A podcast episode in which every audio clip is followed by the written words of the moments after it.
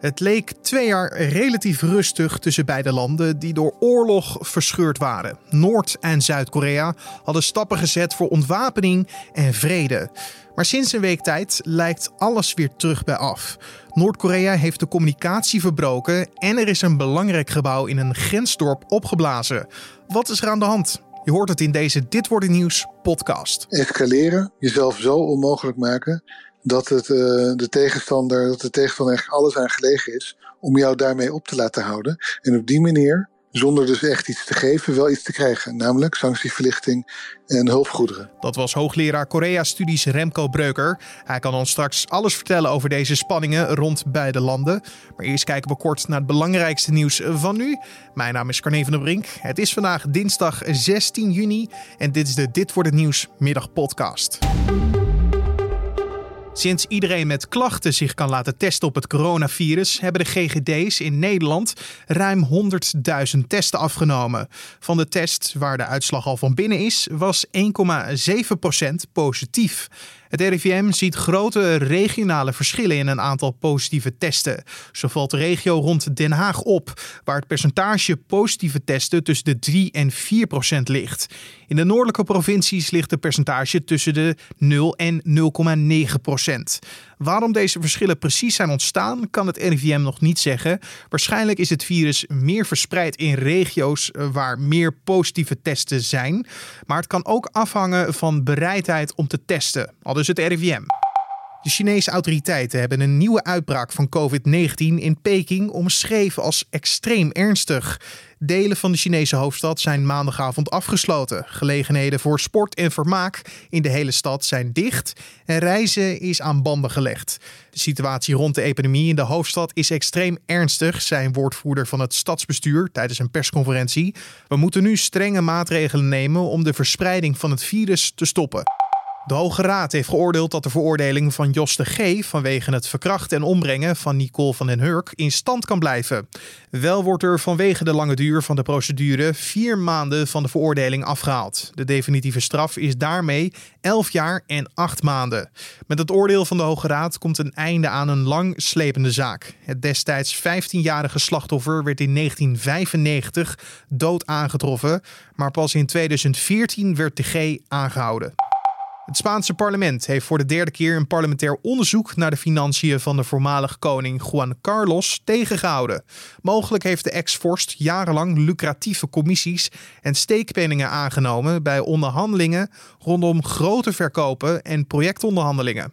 Het Spaanse Hoge Rechtshof heeft vorige week wel een strafrechtelijk onderzoek ingesteld naar de financiën naar Juan Carlos, maar benadrukte daarbij meteen de complexiteit van de zaak.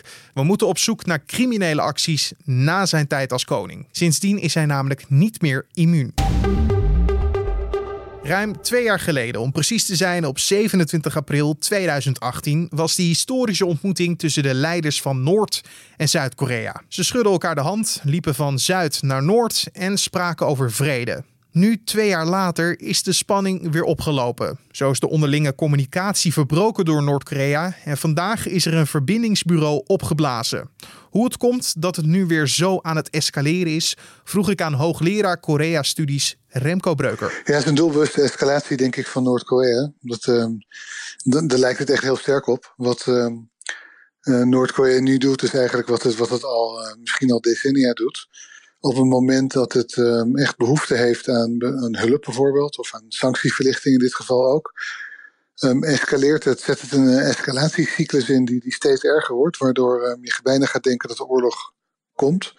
En dat, het gevaar is ook nooit afwezig, want je kan natuurlijk zo escaleren dat je het niet meer in de hand hebt. Maar niet de bedoeling, maar het is wel de, de beste manier om uh, Zuid-Korea en Amerika onder druk te zetten. Ja, want zoals ik al zei, eh, twee jaar geleden dus die historische ontmoeting waar de hoop werd uitgesproken over vrede en uh, complete nucleaire ontwapening. Uh, ja, daar is niet veel van terechtgekomen. Hè? Nee, en dat, dat was toen eigenlijk ook al duidelijk dat er niks van terecht kon komen, want er zijn nooit concrete afspraken gemaakt. Um, en uh, voor zover er afspraken waren gemaakt, was het ook heel duidelijk dat wat Noord-Korea verstond onder nucleaire ontwapening heel wat anders is dan wat de rest van de wereld eronder verstond. Voor Noord-Korea is nucleaire ontwapening um, eigenlijk multilaterale nucleaire ontwapening van iedereen in de hele wereld, zeker de VS En als dat gebeurd is, dan gaat Noord-Korea zelf ontwapenen. Ja, dat was nooit een haalbare kaart. Maar heeft deze oplopende spanning misschien ook te maken met um, Noord-Korea die bang is om een bepaalde macht kwijt te raken? Ja, nou ik denk, um, uh, ja in brede zin wel. Namelijk ik denk dat dit regime nu best wel eens onrustig kan zijn over de eigen positie in, uh, in Noord-Korea. Er lijkt toch echt wel flinke problemen te zijn met de voedselvoorziening. Um, en dat, um, dat is een van de weinige dingen waar het Noord-Koreaanse regime zich echt zorgen over maakt. Op het moment dat er weer een hongersnood zou komen, is denk ik de inschatting dat de bevolking dat niet nog een keer zal accepteren. Um, corona heeft natuurlijk niet geholpen. We weten niet hoe erg het is in Noord-Korea, maar blijkbaar heeft corona ook flink toegeslagen. Het feit dat de, de wereldwijde handel uh, natuurlijk drastisch is gereduceerd, helpt ook niet. Noord-Korea krijgt met andere woorden waarschijnlijk veel te weinig binnen uh, om, om goed uh, om te kunnen overleven. Uh, en dan is dit een, uh, eigenlijk in Noord-Koreaanse logica een, een, normale zet. Escaleren, jezelf zo onmogelijk maken dat het, de tegenstander, dat de tegenstander eigenlijk alles aan gelegen is om jou daarmee op te laten houden. En op die manier, zonder dus echt iets te geven, wel iets te krijgen. Namelijk sanctieverlichting en hulpgoederen. Maar kan dat niet juist averechts werken? Dat door het nu weer te laten escaleren, je juist weer extra sancties opgelegd krijgt? Ja, maar de, de echt meer sancties dan dit uh, zijn denk ik niet mogelijk. Noord-Korea is heel zwaar gesanctioneerd. Er kan niet zoveel meer gebeuren, behalve dat Noord-Korea zou worden aangevallen. Nou, dat, dat ligt niet echt. Uh, in de lijn der verwachting. Dus ja, dat is natuurlijk het probleem. Als je alle straffen hebt uitgedeeld, wat kun je nog doen? Er kan niet zoveel meer worden gedaan door het buitenland. Um, en Zuid-Korea, dat is ook een heel belangrijk punt. Zuid-Korea heeft een regering en een president die er alles aan gelegen is om Noord-Korea aan boord te houden, om vrede met Noord-Korea duurzaam te sluiten. En die is heel erg genegen om toe te geven aan wat Noord-Korea ook maar wil. En zou dat dan mogelijk gedaan kunnen worden uit een politiek gewin? Um, niet meer. Deze president kan niet meer herkozen worden. Hij gelooft hierin. Ik um, denk dat hij een, een idealist is wat op dat vlak. Ik, uh, ik vind het onverstandig. Dat, dat, hebben we ook al gezien. Twee jaar geleden was die historische ontmoeting er met hem en Kim Jong-un. Nou, die heeft dit uiteindelijk opgeleverd. En dit is nog maar het begin van de escalatiecyclus. Laten we dan overschakelen naar de actualiteit. Want een symbool van hoop om de communicatie tussen beide landen te verbeteren is uh, vandaag verwoest. Een verbindingsbureau in een uh, grensdorp. Wat was de functie van dit gebouw? Uh, dat was de plek waar Noord- en Zuid-Koreaanse ambtenaren met elkaar eigenlijk werkten en met elkaar onderhandelden. Om, om de verdere ontwikkeling van de relaties en de verbetering van de relaties mogelijk te maken. Dus het was, dit, dit is ook afgesproken in ontmoetingen tussen Moon Jae-in, de Zuid-Koreaanse president, en Kim Jong-un, om dit, om dit gebouw te bouwen. Dus dat dit nu zo niet alleen gesloten is, maar gewoon opgeblazen is. Op, op een hele brute manier. Ja, het is een klap in het gezicht van de Zuid-Koreaanse president en ook ook zo bedoeld door het noorden. En werd het ook veel gebruikt als een uh, verbindingsbureau? Ja, het werd, uh, er werd gewoon in gewerkt. Er waren veel contacten tussen Noord- en Zuid-Korea. Uh, maar sinds de uitbraak van COVID is het gebouw niet meer gebruikt. En voor zover ik heb begrepen is het sinds januari leeg geweest. Daarom. We weten volgens mij ook nog niet of er slachtoffers bij gemoeid zijn. Hè? Nee, die zijn, die zijn niet gevallen. Dat, dat hadden we nu al gehoord. En dat is weer, dat zou wel een hele dramatische escalatie zijn. Um, het gebouw was, uh, was leeg voor zover ik weet. En dit zou komen door een actie van een groep Zuid-Koreaanse activisten die op een hele bijzondere manier met ballonnen uh, contact zochten met het noorden. Hè? Ja, dat is, dat is inderdaad de aanleiding geweest, niet de reden. Kijk, Noord-Korea had toch al geëscaleerd. Want de belangrijkste reden voor Noord-Korea om te escaleren nu is omdat ze voedselhulp nodig hebben en sanctieverlichting. En uh, de acties van deze voormalige Noord-Koreanen, nu inderdaad Zuid-Koreanen, Noord-Koreaanse ballingen. Um, die, die, ja, dat waren een hele goede aanleiding. Noord-Korea is ook wel allergisch hoor voor um, gevluchte Noord-Koreanen die vertellen hoe het echt aan toe gaat in Noord-Korea. Die hebben al meerdere malen bij Zuid-Korea erop aangedrongen om, um, om dit niet mogelijk te maken. Maar ja, Zuid-Korea is natuurlijk een democratische samenleving. Tot nog toe heeft de, de Zuid-Koreaanse regering altijd gereageerd door misschien niet blij te zijn met deze acties, omdat ze ja, hun eigen diplomatie echt in de, in de wielen konden rijden. Maar door het wel mogelijk te laten zijn altijd. En deze mensen ook politiebescherming te geven. Dit zijn mensen die altijd, ja. Um, en, dat, en nu worden ze vervolgd. Dus er is echt wel wat veranderd in, in Zuid-Korea. En niet ten goede. Nee, want de activisten die gingen uh, ballonnen uh, laten uh, landen in Noord-Korea. Met daarop pamfletten. Ehm, weten we ongeveer wat daarop zou hebben gestaan? Ja, het, altijd, het kan van alles zijn. Het kan een Meestal is het een mengeling tussen een christelijke boodschap. Dat hangt van welke NGO het doet. Als een christelijke NGO het doet, dan zijn het uh, christelijke boodschappen ook. Um, en ook een, een, aanklacht tegen het regime. En, uh, om Noord-Korea echt de ogen te openen. Dit is wat jullie leiders doen. Er zit vaak reis bij. Uh, of um, um, USB-sticks met dus multimediale bestanden om echt dezelfde boodschap over te brengen. De Noord-Koreaanse leider Kim Jong-un was hier natuurlijk niet van gediend en dreigde ja. ook met het uh, binnentrekken van de gedemilitariseerde zone en ook uh, het verbreken van alle communicatie met hun zuidenburen. Maar ook wat je leest is dat de zus van de Noord-Koreaanse leider Kim Yo-jong op deze militaire uh, stappen zou hebben gestuurd. Waarom is zij nu zo zichtbaar? Ja, Kim Yo-jong is de laatste maanden, of eigenlijk het laatste jaar misschien wel, steeds zichtbaarder geworden. Ze heeft ook uh, steeds machtigere posities um, bekleed in het, uh, in het uh, politieke apparaat. Ze is nu, het lijkt er althans sterk op, dat zij nu verantwoordelijk is voor de relaties met Zuid-Korea. Dat is een hele machtige positie. Um, er zijn denk ik twee redenen voor. Eén is omdat Kim Jong-un natuurlijk zich omringt van mensen die hij kan vertrouwen. Nou, zijn zus kan hij vertrouwen, zo te zien.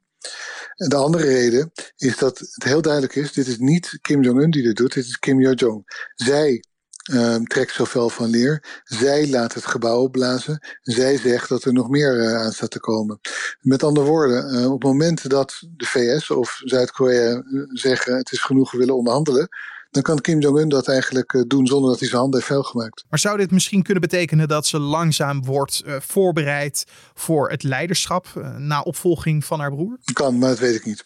Ik weet niet of zij in de positie van opvolger wordt gemanoeuvreerd. Iets waarvan we waarschijnlijk ook niet het fijne vanaf weten, net zoals de zus, is hoe de toekomst eruit gaat zien voor beide landen en of er meerdere escalatiemomenten zullen komen. Um, wat denkt u? Hoe gaat het er de komende tijd uitzien? Ja, nou, we hebben de situatie al, denk ik, 4, 5, 6, 7, 8 keer meegemaakt. Um, wat er precies gaat gebeuren, weet ik niet. Maar dat er nieuwe escalaties gaan komen, ja, dat, dat, dat vermoed ik wel. Uh, en ik denk ook dat we op een gegeven moment zullen gaan denken. Um, en dat moet ook wel voor deze strategie om effectief te zijn voor Noord-Korea, aan de mogelijkheid van oorlog. Dat het echt uit de hand loopt. Noord-Korea zal heel dicht langs de rand van, het, van de afgrond moeten gaan scheren. om Seoul duidelijk te maken, om Washington duidelijk te maken, deze keer is. En elke keer moet je een stukje verder gaan. Dus ik vermoed dat dat gaat gebeuren, behalve als Zuid-Korea nu heel snel capituleert. En dus Noord-Korea alles geeft wat het wil. Maar ja, dan heb je nog steeds die sancties van de VN die in de weg zitten. Dus als dat kan, en uh, dat weet ik niet. Um, ik vermoed dat er nog wel flinke escalaties aan zitten te komen. Dat was hoogleraar Korea-studies van de Universiteit Leiden, Remco Breuker. En dan nog even het weer. De buien in ons land zullen vanavond verdwijnen. Vannacht blijft het meestal droog bij een minimumtemperatuur van 14 graden. Morgen schijnt de zon op, meerdere plaatsen geregeld bij maxima van 21 tot 24 graden. En vooral in de zuidelijke helft van het land komen opnieuw forse buien en mogelijk met onweer voor. En om af te sluiten nog even goed nieuws voor de Nederlandse voetbalfans. Want de eredivisieclubs hebben een akkoord over de speeltijden van het komend seizoen bereikt. Het plan is om wekelijks ook op maandagavond een wedstrijd af te werken, mits er gespeeld moet worden zonder publiek. Bovendien staat ook tussen kerst en oud en nieuw een speelronde gepland. De nieuwe competitieopzet heeft twee varianten, omdat de gevolgen van de coronacrisis nog niet helemaal zeker zijn. Als er in lege stadions gespeeld moet worden, dan zijn er geen eredivisiewedstrijden tegelijkertijd. Als er wel publiek welkom is in de stadions, dan worden er op zaterdag wel tegelijkertijd wedstrijden gespeeld. In de plannen wordt er nu vanuit gegaan dat de Eredivisie in september begint. Dus de supporters moeten nog heel even geduld hebben. En dit was dan de Dit wordt het nieuws podcast voor deze dinsdagmiddag 16 juni. De podcast help je door feedback te sturen naar podcast.nu.nl of een recensie achter te laten via Apple Podcast. Mijn naam is Carne van der Brink. Ik wil je nog even attenderen op het feit dat je je gratis kan abonneren op deze podcast. Doe dat vooral, zo mis je geen aflevering. Want wij zijn morgenochtend weer terug en anders ook altijd in de middag. Ik wens je een hele mooie dag, een mooie avond en tot snel.